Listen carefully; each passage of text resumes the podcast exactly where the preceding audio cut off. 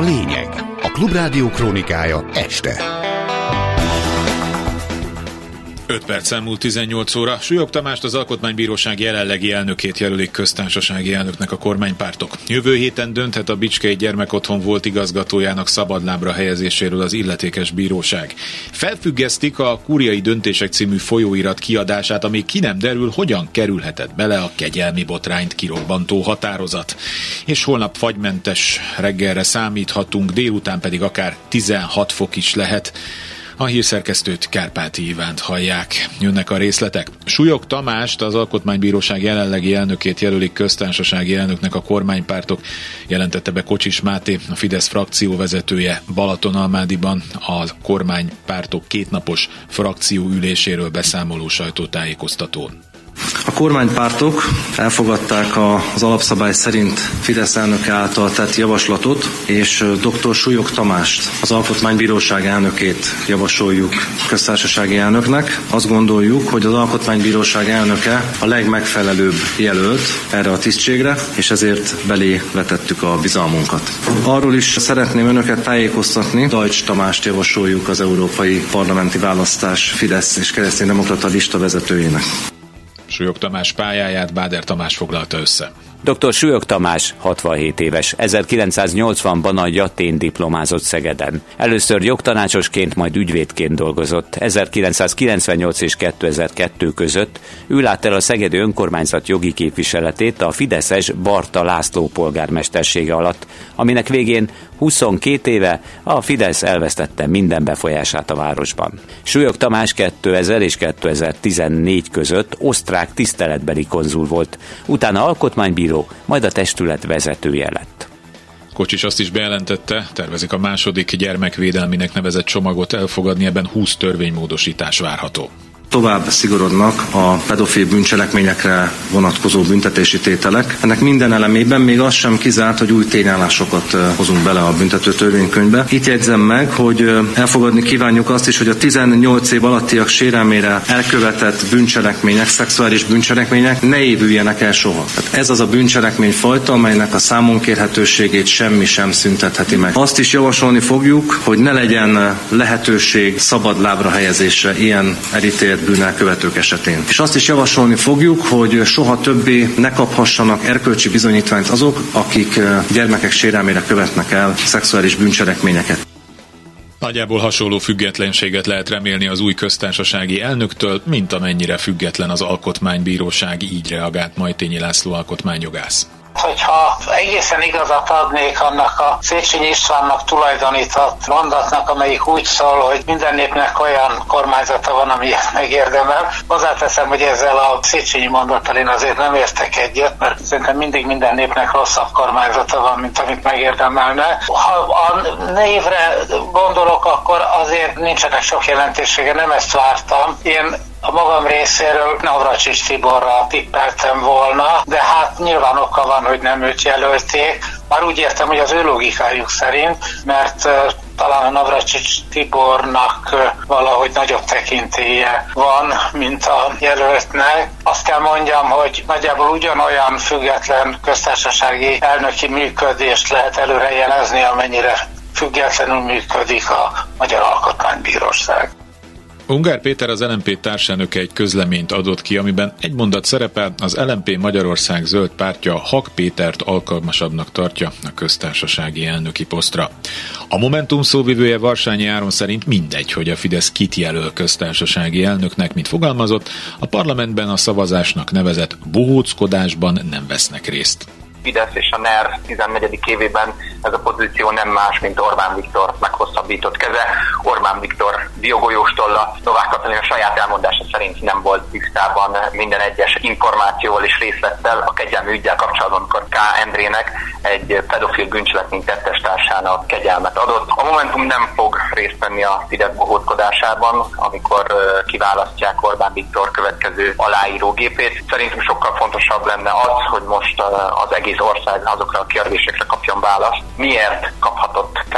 Endre kegyelmet? Mikor fog bocsánatot kérni Orbán Viktor valóban a bicskei áldozatoktól, és hogy milyen kapcsolat van Orbán Viktor családja és a bicskai pedofilok között. Tompos Márton a Momentum alelnöke tegnap posztolt egy videót arról, hogy 2002-ben Orbán Viktor személyesen kampányolt a bicskai pedofil igazgatónak. Ezek sokkal fontosabb kérdések lennének, mint az, hogy most ki lesz Orbán Viktor következő biogolyóstolla. Renner Koloman, a Jobbik konzervatívok főpolgármester jelöltje azt mondta a Klubrádiónak már hosszú évek óta a közvetlen államfő választás pártján állnak, 21-ben is benyújtottak egy ilyen javaslatot. Brenner Koloman hozzátette, egy valami biztos semmilyen érdemi ellensúlyt nem fog képezni az Orbán rendszerrel szemben Súlyog Tamás.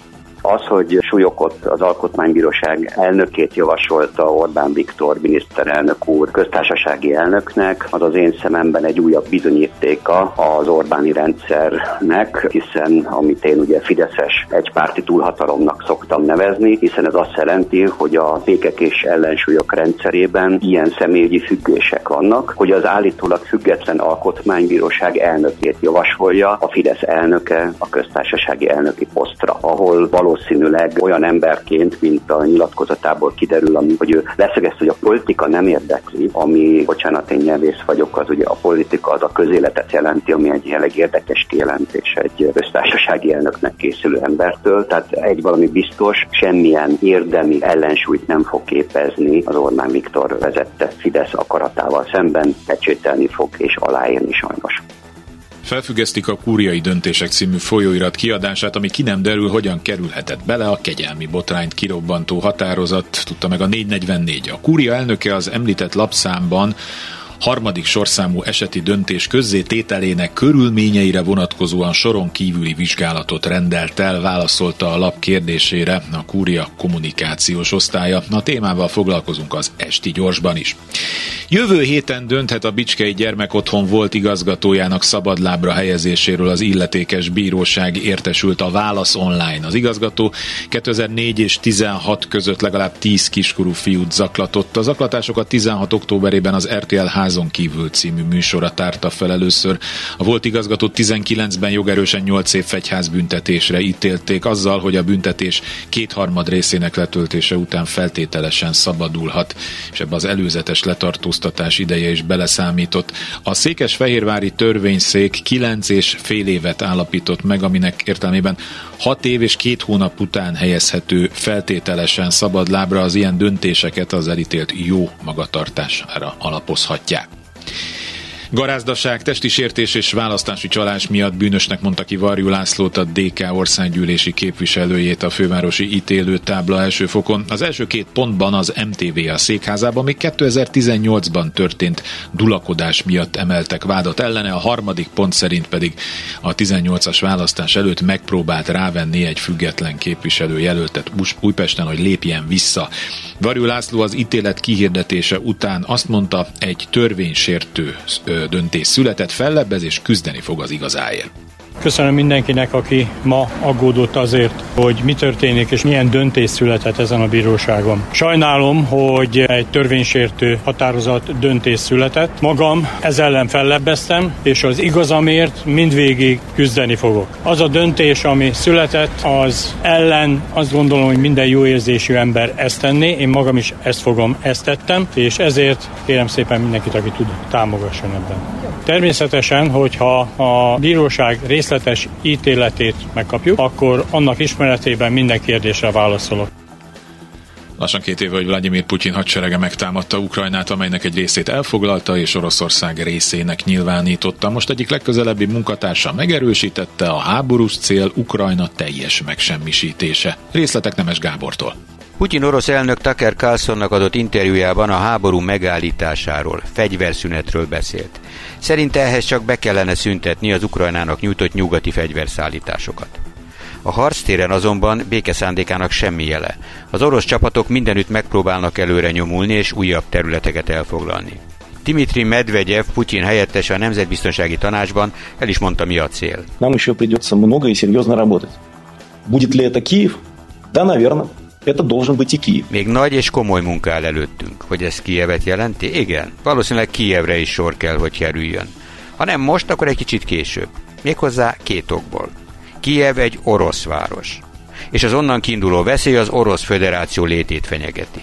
Ez nemzetközi veszély, mert bár Kijev teljesen orosz gyökerű város, Oroszország ellenségeinek nemzetközi brigádja irányítja, élén az Amerikai Egyesült Államokkal.